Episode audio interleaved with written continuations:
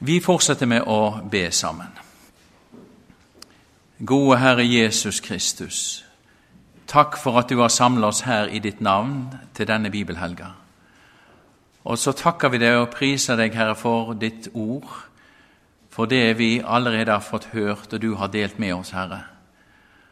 Og så ber vi på nytt igjen, vi må få alt ifra deg, du som er vårt alt.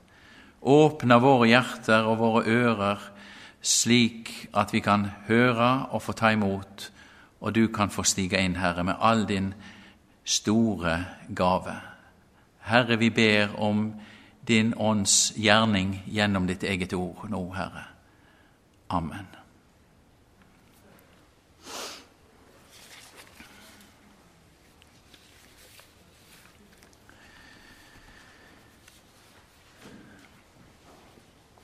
Vi har eh, hovedteksten vår fra 1. Korinterbrev 1, 30-31, og vi leser den igjen sammen i Jesu navn. For det er Hans verk at dere er i Kristus Jesus, Han som for oss er blitt visdom fra Gud, rettferdighet og helliggjørelse og forløsning, for at, som skrevet står, den som roser seg, han roser seg i Herren. Amen.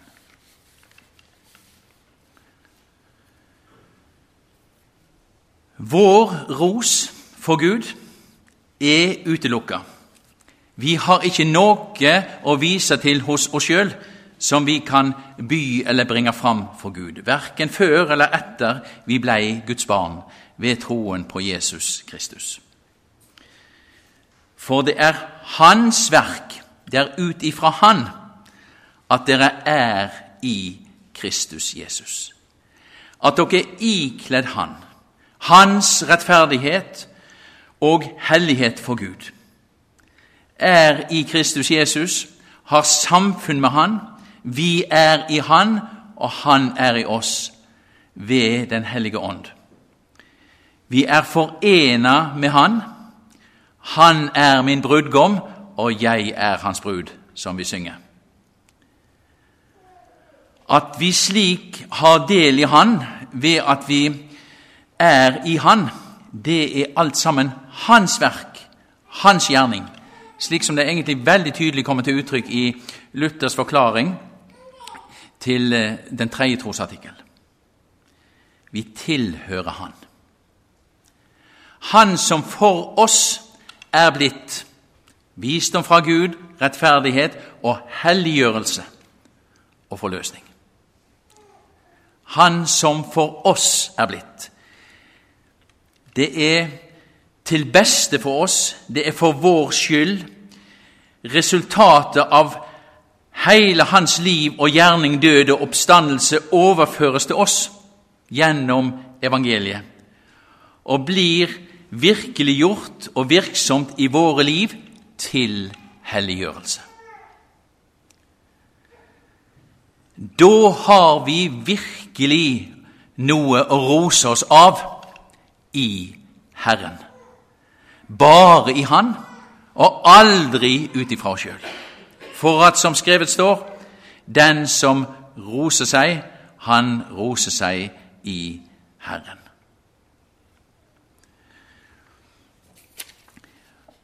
Og I Luthers lille katekisme, som jo hører med til våre bekjennelsesskrifter, så blir nettopp dette sammenfattet egentlig på en veldig god måte i forklaringen til tredje artikkel, der det heter om helliggjørelsen. Og Så kommer den tredje trosartikkel i den apostoliske trosbekjennelsen.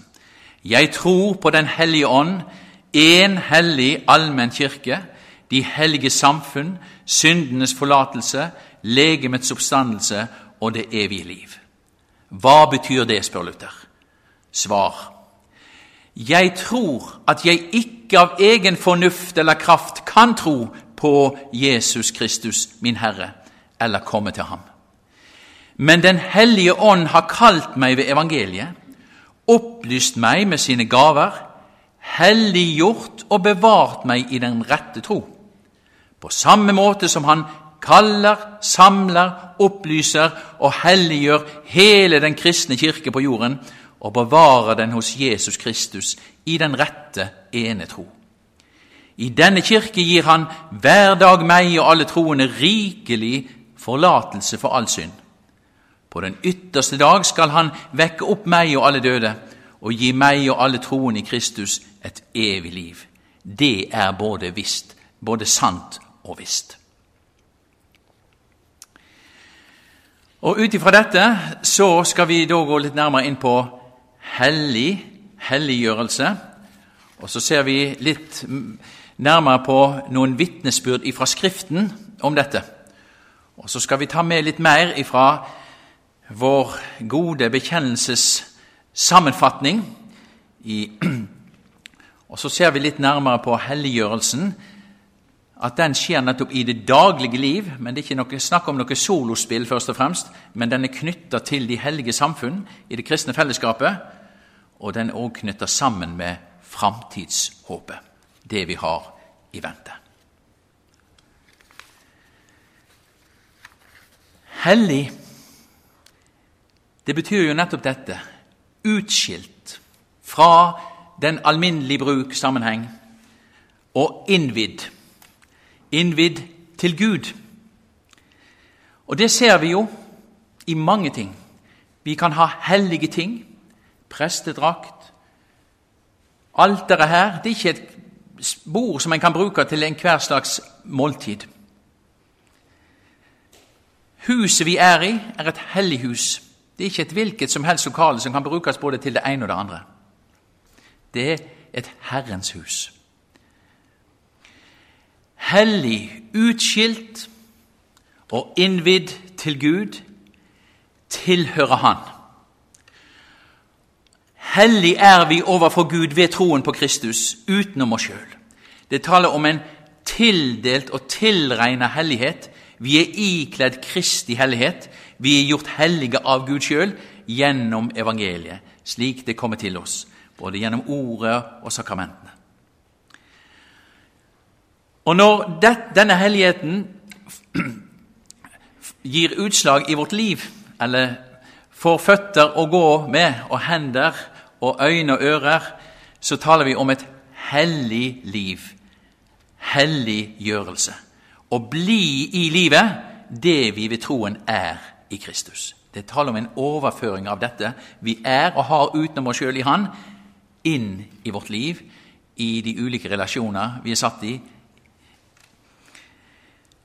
Så helliggjørelse kan vi si er Den hellige ånds gjerning i og med og gjennom de som tror på Kristus. Og Det er ikke bare en dags arbeid og opplevelse, men det er en livslang prosess som nettopp sikter på en vekst i tro. Ikke ut av nåden, men inn i nåden. Mer og mer. Å vokse i nåde og kjennskap til den Herre Jesus, vår Frelser og Herre Jesus Kristus. Det sikter på vekst i kjærlighet og gode gjerninger, nettopp etter Jesu forbilde og Guds bud og formaninger. Men det skjer ut ifra Guds nåde som vi har del i i Kristus Jesus. Og Så blir denne helliggjørelsen da virkeliggjort nettopp ved Åndens gjerning gjennom nådemidlene, ordet og sakramentene. Forutsetningen og grunnlaget for helliggjørelsen det er at vi er frikjent for Gud og født på ny ved troen og dåpen. Rettferdiggjørelsen og gjenfødelsen er forutsetningen og grunnlaget. Det er et nytt liv som blir født i den som ved troen og dåpen får del i Kristus og hans rettferdighet, hellighet. Det skjer en gjenfødelse. Å bli født på ny, det er det samme som å bli født ovenfra, født av Gud, født av Ånden. Det er ulike uttrykk for dette, men det er samme sak det dreier seg om. Og slik det f.eks. uttrykt i, i Johannes evangeliet kapittel 1. Alle dem som tok imot ham, den gav han rett til å bli Guds barn, de som tror på hans navn. Og de er ikke født av blod, heller ikke av kjøts vilje, heller ikke av manns vilje, men av Gud. Jeg får være frikjent, rettferdig og hellig for Gud i Kristus Og nettopp det skal få lov å gjenspeile seg i og gjennom våre liv, slik at Kristus vinner skikkelse i oss, så de vi møter, får møte Han gjennom det vi er, gjør og sier. Det er hele poenget. Det er Han som skal tre fram gjennom det vi er, det vi gjør og det vi sier. Da blir det helliggjørelse. Det er Han som får omsatt i praksis det Han sjøl er for oss. Og Det er dette som da blir veksten av et nytt liv, det nye livet som vi har del i ved at Kristus bor ved troen i vårt hjerte, ved Den hellige ånd, den treenige Gud, bor der.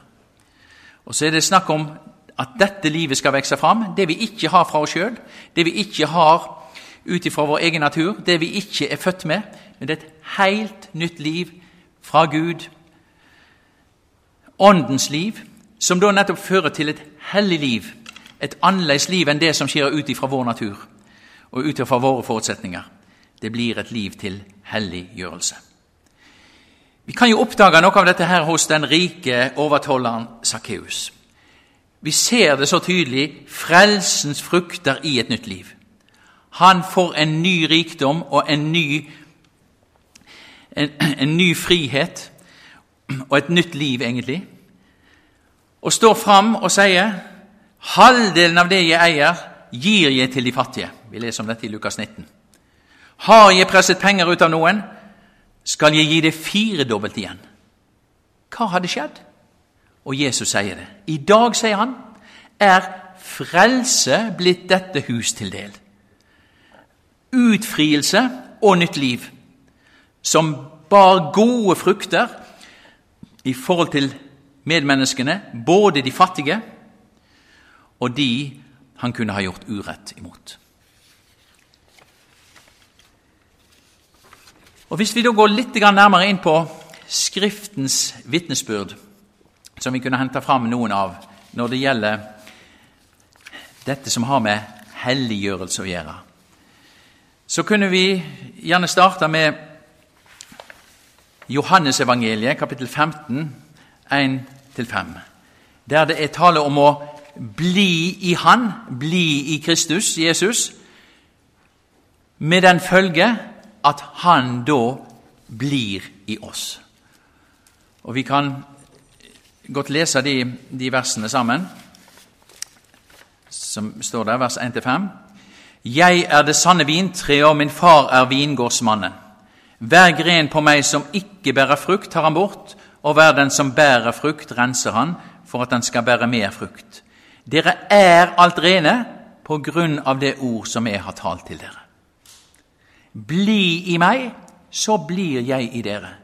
Like som grenen ikke kan bære frukt av seg selv, men bare når den blir i vintreet, slik kan heller ikke dere bære frukt uten at dere blir i meg.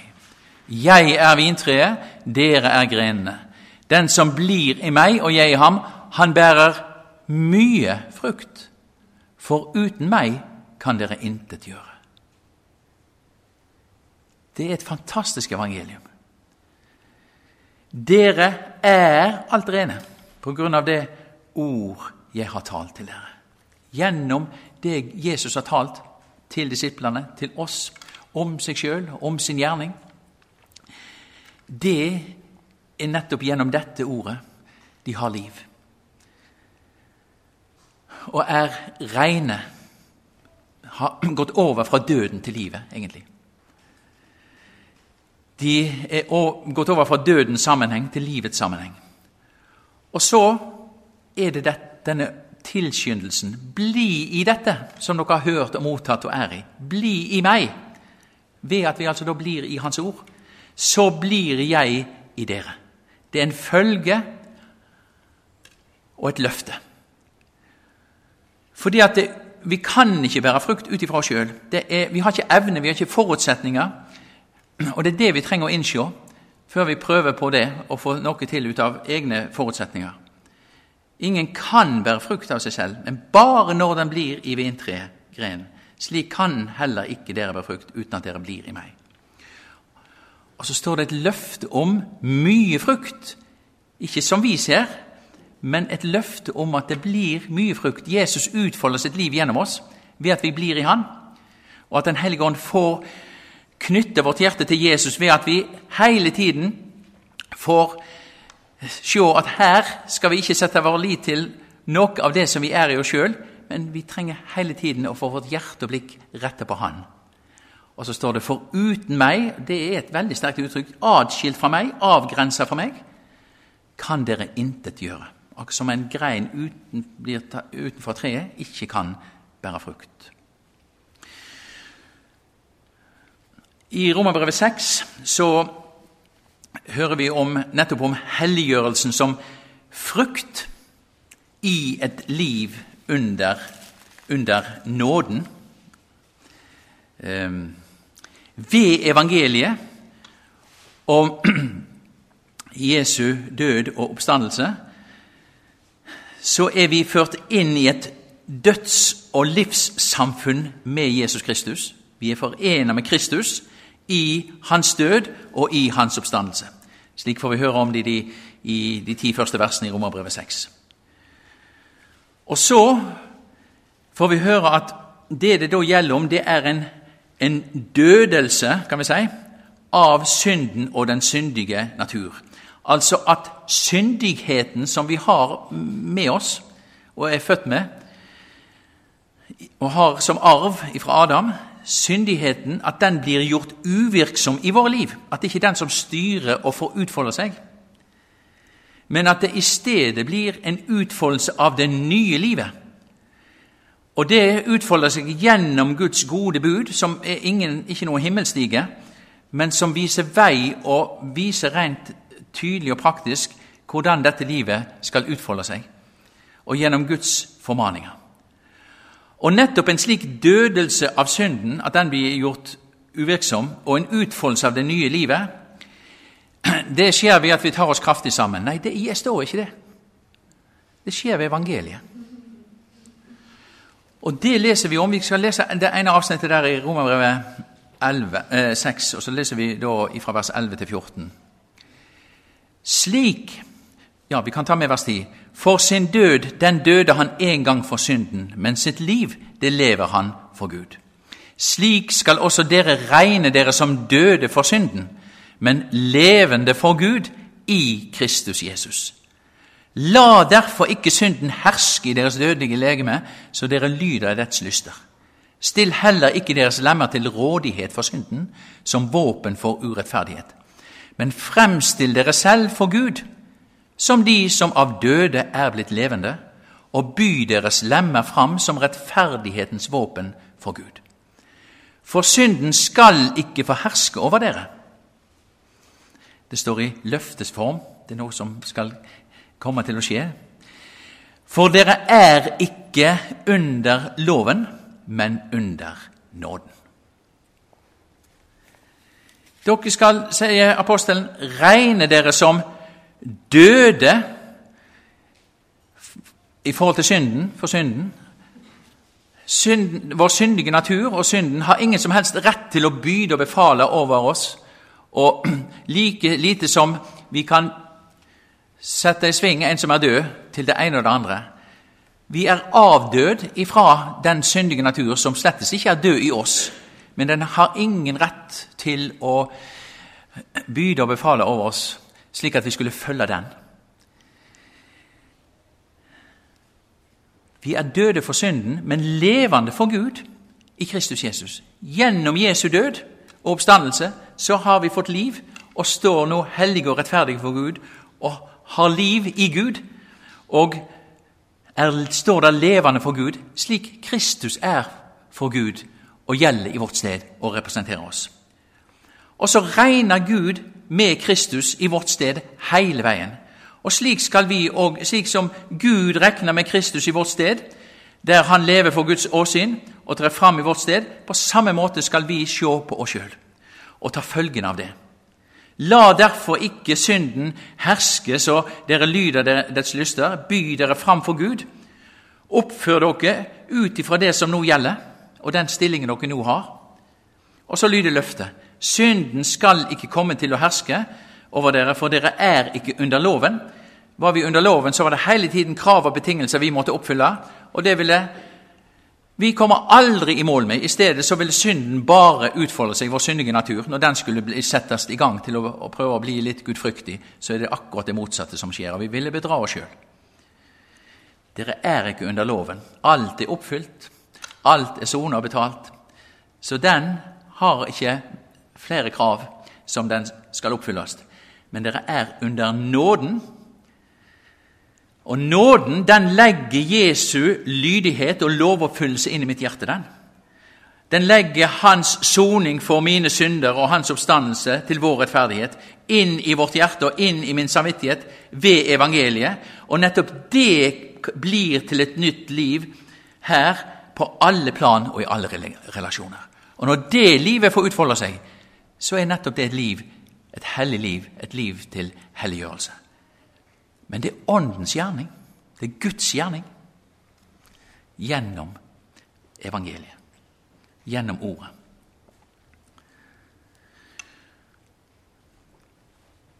Helliggjørelsen får vi da som en frukt, står det i Romerbrevet 6 videre, med fullendelsen som mål. Men nå står det i, i vers 22 men nå, når dere er frigjort fra synden og er blitt tjenere for Gud, har dere helliggjørelse som frukt og til slutt evig liv. Vi tilhører en ny Herre, der vi, alt Hans er vårt, og så er det Hans liv som skal få utfolde seg gjennom våre liv. Og denne friheten som ikke vi hadde før, som vi nå har fått i Kristus, den er det jo Galaterbrevet tar tak i og utfolder for oss i Galaterbrevet kapittel 5. Der det nettopp taler om utfoldelse av livet i den friheten som vi har del i i Kristus Jesus gjennom evangeliet. Og Dette livet det blir kalt for åndens frukt. For eksempel det som, Hvis vi leser, fra, vers, vi leser vers 13 der da, spesielt, eh, i kapittel 5 For dere ble kalt kalt ved evangeliet. Kall til frihet, brødre. La bare ikke friheten bli et påskudd for kjøtet, men tjen hverandre i kjærlighet. Vi har del i en frihet. Til frihet har Kristus frigjort oss, står det i vers 1. Stå derfor fast og la dere ikke igjen legge under trelldommens åk. Friheten vi har fra syndens skyld og makt i Kristus Jesus. Og den friheten den skal vi slippe å bruke som en unnskyldning og et påskudd for at nå kan vi fritt bare la viljen i kjøtt og blod, som det står i den nye oversettelsen, få utfolde seg fritt. Det er ikke det det dreier seg om. Det er en frihet fra å måtte utfolde den syndige natur, og en frihet til å la et nytt liv få utfolde seg, som utfolder seg ved at vi blir i Kristus Jesus. Friheten utfolder seg på den måten at vi tjener hverandre i den kjærligheten vi sjøl alltid er gjenstand for gjennom Jesus Kristus og er avhengig av det. Men tjen hverandre i kjærlighet. Det er et liv som har Guds løfte over seg. Vers 16. Men jeg sier dere vandre i Ånden, så skal dere ikke fullføre kjøtets lyst. Kjøtets lyst, for syndige natur, alt det den trakter etter, er tydelig beskrevet her i Galaterbrevet 5 og ikke til å ta feil av, og er der hjertelig til stede. Også hos et Guds barn, ja. Men her er det et løfte om at ved å bli vandra i ånd, bli å værende i det som er gitt oss i Kristus Jesus, og ha vårt liv der, så er det et løfte om at da kommer ikke det som vår syndige natur trakter etter, til å bli omsatt i praksis på en slik måte at det er det vi styrer etter, og det er det som får utfolde seg og bli virksomt i vår liv. For her er det nemlig to fiender i samme bolig. Vi har, som det står i vers 17, for kjøtet begjærer imot ånden, og ånden imot kjøtet. De to står hverandre imot for at dere ikke skal gjøre det dere vil. Arven etter syndefallet, det er den gudfiendtlige natur. Og så står den imot det nye livet, åndens liv. Og så er det bare et liv under nåden som gir åndens frukt, som er kjærlighet, glede og fred. Vers 22. Men åndens frukt er kjærlighet, glede, fred, langmodighet, mildhet, godhet, trofasthet, saktmodighet, avholdenhet. Mot slike er loven ikke. Det er helt i samsvar med Guds lov, og det skjer nettopp under nåden, som er stor. Vandre i Ånden, så skal dere ikke fullføre kjøtets lyst. Men hvis dere blir drevet av Ånden, står det i vers 18, da er dere ikke under loven. Nei, da er vi under nåden. Og Det er det vi møter også i Titus brev, kapittel 2, der det står om Guds nåde som opptokter, som oppdrar og frigjør oss til å fornekte ugudelighet og de verdslige lyster, at vi kan ta avstand ifra det og leve rettferdig og gudfryktig i den verden som nå er, mens vi venter på det salige håp som vi har i vente. Fornekte, nekte å innrette oss etter å følge, og i stedet få lov å leve ut det som Guds bud og formaninger viser veien til. Vi er frigjort fra all urettferdighet til å gjøre gode gjerninger som Guds eiendomsfolk. Og Så tar vi bare med og ganske kort 2. Peters brev 2, der det nettopp står om Jesu døds betydning for gjenopprettelsen til et helt og helhetlig liv, til det vi var skapt til, et liv i helliggjørelse. Der det nettopp er tale om å Jeg skal ta og slå det opp og så lese der fra vers 24 og 25 i 1. Peters brev, kapittel 2. Han som bar våre synder på sitt legeme opp på treet, for at vi skal dø bort fra syndene og leve for rettferdigheten. Ved hans sår er dere blitt lekt. Det er en gjenopprettelse av alt det som syndefallet førte med seg ved Jesus år. Dere var jo vill, som villfarne får, men har nå omvendt dere til deres sjelers hyrde og tilsynsmann. Og Etter disse Skriftens vitnesbyrd så, så, skal vi se hvordan nettopp vår gode evangelisk-lutherske bekjennelse sammenfatter dette så flott for oss. Vi har sett ut ifra Luthers lille katekisme og forklaringen der til tredje trosartikkel at det er Åndens gjerning at vi kan leve i troen på evangeliet og bære evangeliets frukter i et hellig liv i helliggjørelse. Og Dette blir videreført egentlig da i den augsburgske trosbekjennelsen, eller Confessio Augustana, som vi sier, i artikkel 6 og artikkel 20. Og Alt dette er tatt med i den disposisjonen som som jeg har. Men jeg skal bare sitere litt, jeg kan ikke lese hele, hele alt dette. I artikkel 6 så heter det 'Om den nye lydighet'. Likeens lærer de at denne tro bør bære gode frukter, og at en må gjøre de gode gjerninger som er pålagt av Gud, fordi Gud vil det. Det har med Guds vilje å gjøre for våre liv. Ikke for at vi skal stole på at vi ved disse gjerningene skal fortjene rettferdiggjørelse overfor Gud. Nei, nei, nei.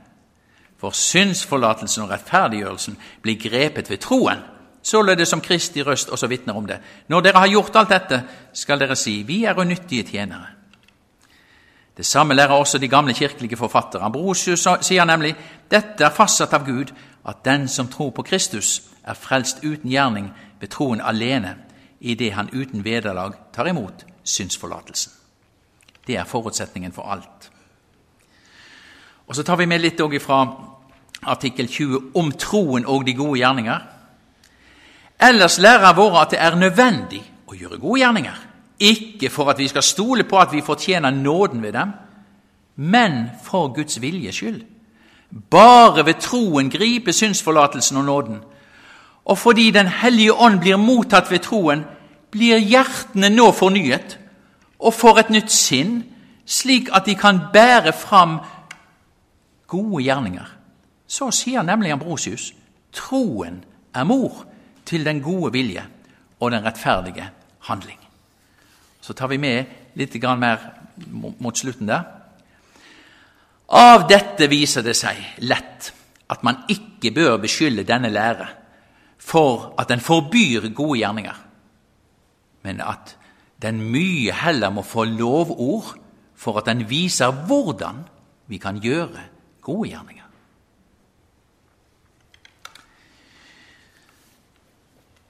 Og Etter disse vitnesbyrdene så stanser vi litt grann da for at helliggjørelsen, den skjer på søndager? Nei.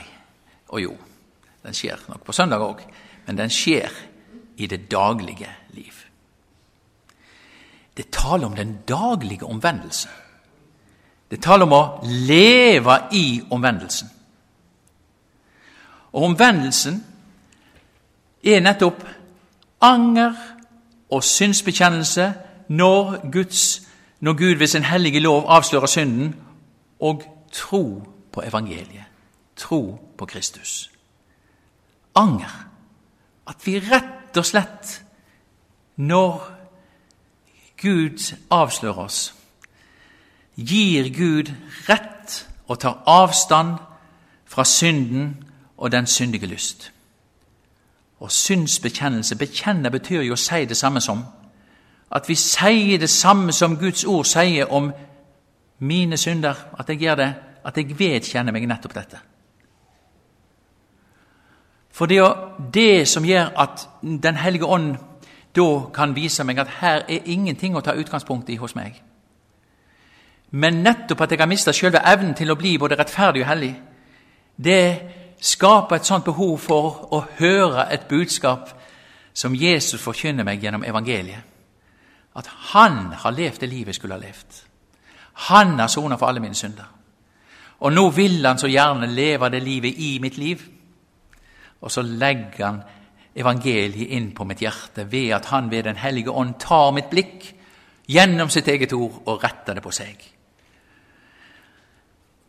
Han lar evangeliet nåden i Kristus Jesus få nå meg slik at hjerte og blikk blir retta på Han aleine.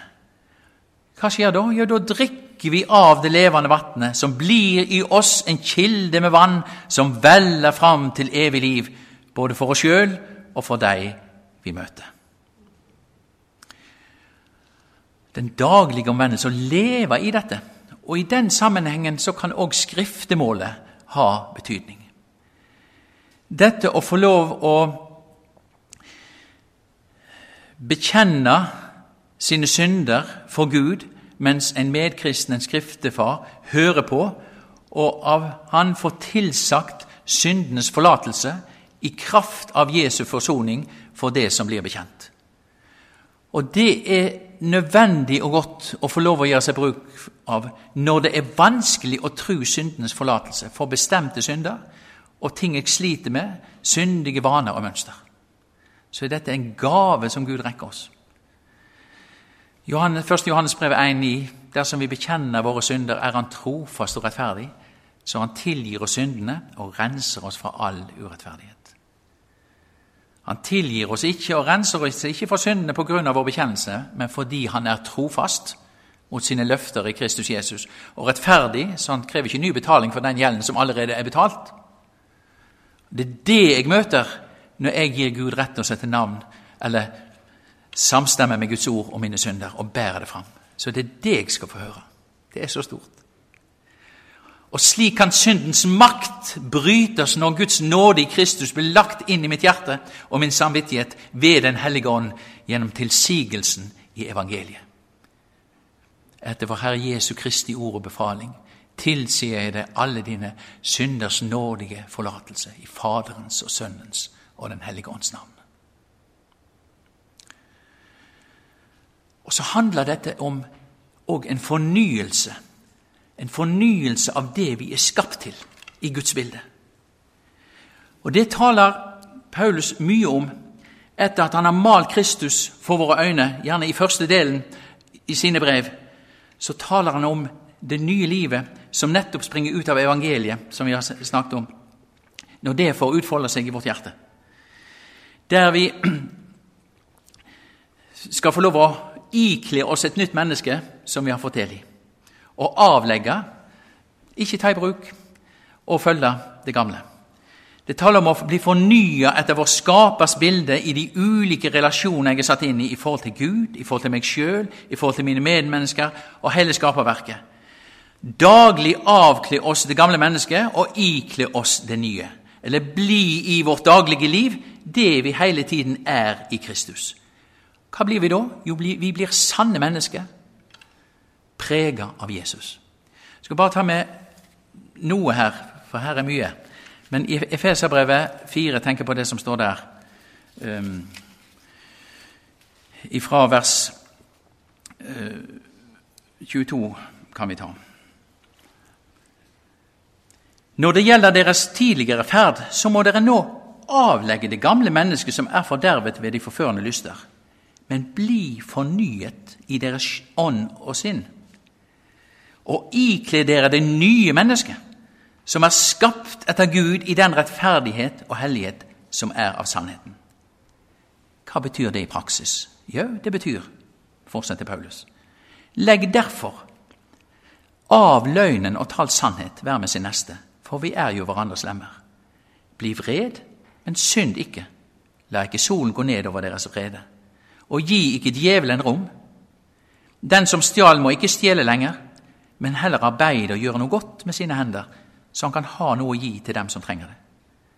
La ikke råttent snakk gå ut fra deres munn, men god tale, som er nødvendig til oppbyggelse og gir noe til dem som hører på. Og gjør ikke Guds hellige ånd sorg. Han som dere har fått som seil til forløsningens dag.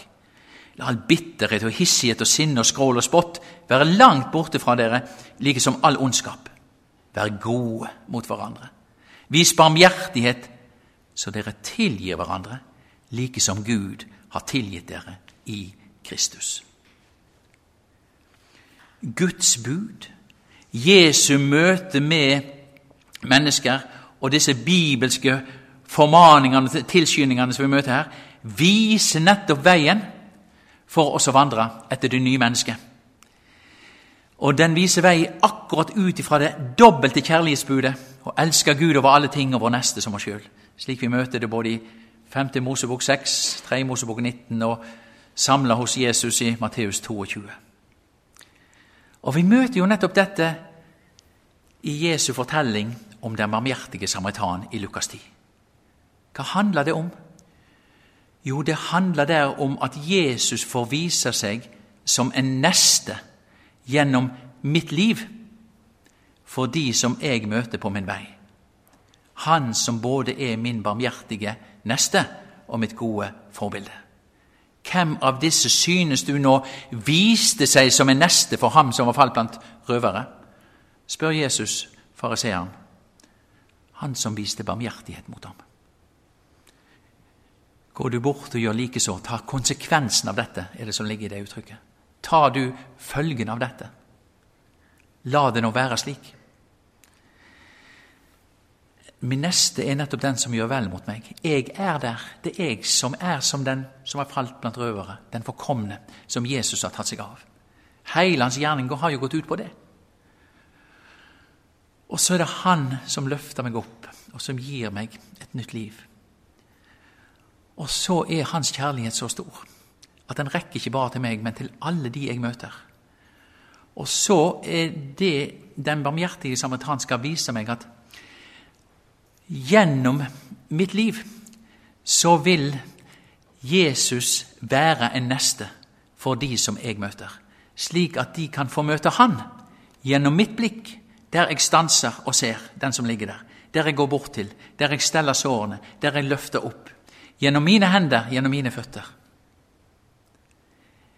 Slik blir Jesus både min gode, barmhjertige neste, som har tatt seg av min sak, og han blir mitt gode forbilde, som han sjøl lever ut i mitt liv. Og I alt dette så gjelder det å få lov å være sannheten tro i kjærlighet, som det står i Efeserbrevet 4. Og Så skal vi bare ganske kort nevne at helliggjørelsen og det hellige livet det sikter ikke mot et solistliv, har jeg nesten sagt, som et sånt sololiv. at mange skal sjå. Men det er knytta til de hellige samfunn, til det kristne fellesskapet. Det, det syns jeg er så flott, det som står der i, i Romerbrevet kapittel, kapittel 12, der det står i, i vers, eh, vers 4 og 5. For på ett legeme, eller på det ene legemet, har vi mange lemmer, men ikke alle lemmer har samme gjerning. Slik er vi også ett legeme i Kristus, enda vi er mange. Men hver for oss er vi hverandres lemmer. Tenk på det. Hver for oss er vi hverandres lemmer på Kristi kropp. Tilhører hverandre. Du er en gave til de andre, de andre er en gave til deg. Vi skal utfylle hverandre. Vi skal få være med og bære sammen. Gråte med de gråtende og glede oss med de glade. Vi tilhører samme kropp. Vi er hverandres lemmer. Det er i dette fellesskapet at det gode, hellige liv i helliggjørelse skal nettopp utfolde seg i tjeneste for hverandre. Og Derfor heter det bl.a. i Romerbrevet kapittel 15.: Ta imot hverandre, eller ta dere av hverandre. Det kan oversettes på begge måter. Liksom Kristus har tatt imot dere, til Guds ære. Det blir ikke vår ros, men det blir Gud som blir æra gjennom dette, ved at Kristi kjærlighet får utfolde seg i mitt liv ved at jeg tar imot de andre, og de andre tar imot meg. Hører dere gjensidigheten? Ta imot hverandre. Det, er snakk om en gjensidighet i dette. Jeg tjener de andre ved at de får vise meg omsorg når jeg trenger det. Og jeg får vise omsorg til andre gjennom det jeg kan gi når de trenger det. Det er en gjensidighet. Vi er likeverdige. Ta imot hverandre kjærlighet og tjene hverandre med de nådegaver vi har fått. Det Gud har gitt oss å være seg og gjøre og tjene med på en slik måte at det blir til gagn og blir til oppbyggelse. Som det står i 1. Peters brev, at ettersom enhver av dere har fått en nådegave, så tjen hverandre med den som gode husholdere over Guds mangfoldige nåde. Guds store nåde så, skal få utfolde seg på mangfoldig vis gjennom de, alt det vi er og har, og som Gud gir oss. Gjennom øyne og ører, hender og munner og tid og krefter. Alt det vi er. Og slik kan vi vokse i kjærlighet nettopp i de hellige samfunn, i fellesskapet. Jeg syns det er så flott det som står i Efeserbrevet 3, i denne bønnen som Paulus, apostelen, har for de i Efesus og for oss der han ber. Efeserne 3. og kan ta litt fra vers 16. Jeg ber om at Han, altså Han som er den rette far for alt som kalles barn i himmelen og på jorden, at Han etter sin herlighetsrikdom ved sin ånd må gi dere å styrkes med kraft i det indre mennesket. Og Hva betyr det? Så blir det nærmere presisert at Kristus må bo ved troen i deres hjerter. For at dere rotfestet og grunnfest i, kjærlighet Helt på egen hånd kan være Nei, det står ikke det. Sammen med alle de hellige kan være i stand til å fatte hva bredde og lengde, høyde og dybde her er, og at dere må kjenne Kristi kjærlighet, som overgår all kunnskap, så dere kan bli fylt til hele Guds fylde. Det er det store i dette at vi hører sammen i de hellige samfunn. Vi kan på den måten, ved å tjene hverandre med de gaver og med at Guds ord får være iblant oss, så kan vi vokse i Kristi kjærlighet nettopp ved at vi mer og mer får bli rotfesta og grunnfesta i Han og i det Han er, så kan vi begynne å fatte og ane ved at Ånden lar oss få se det. Hva bredde, hva lengde og høyde og dybde her er. Og det får konsekvenser for våre liv. Og så er det òg slik at helliggjørelsen, den er faktisk en første frukt av livet i det fullkomne Guds rike. Nettopp fordi Ånden er en førstegrøde, som det står. En førstegrøde. av den kommende høst. Og Vi leste det i Romerbrevet kapittel 6, der det står Men nå, når dere er frigjort fra synden og er blitt tjenere for Gud Det er en stilling vi har. Vi er satt ut av den sammenhengen vi var i, og inn i en ny sammenheng. Har dere helliggjørelse som frukt? Det er hele tiden frukt og ikke prestasjoner. Det er hans liv som utfolder seg gjennom oss. Og til slutt evig liv. Og Det er det som jeg synes klinger så sterkt med òg i 1. Johannes brev kapittel 3. Mine kjære, nå er vi Guds barn, og det er ennå ikke åpenbart hva vi skal bli. Vi vet at når Han åpenbares, da skal vi bli ham like, for vi skal se ham som han er. Og hver den som har dette håp til ham, renser seg selv, like som han er ren. Ordet renselse det har med det å gjøre å gå over fra dødens sammenheng til livets sammenheng å gjøre. Renser seg selv. Det er Kristi eget liv som da får utfolde seg gjennom oss og være i oss. Vi lever i Hans renhet, i det Han er.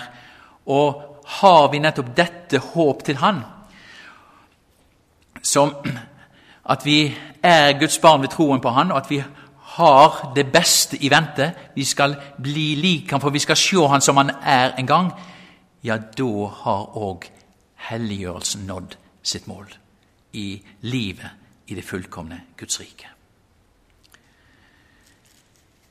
Da har jeg lyst å bare samle dette i først å lese igjen det som er teksten vår for denne bibelhelga. Og så har jeg lyst til å samle det i en sang som jeg har lyst til å synge for dere som jeg er så glad i, og som Sigvart Engeseth har skrevet. Men vi leser først igjen 1. Korinterbrev 1. For det er Hans verk at dere er i Kristus Jesus. Han som for oss er blitt visdom fra Gud, rettferdighet og helliggjørelse og forløsning, for at som Skrevet står den som roser seg, han roser seg i Herren. Ære være Faderen og Sønnen og Den hellige ånd, som er, var og blir en sann Gud, høylovet i all evighet. Amen.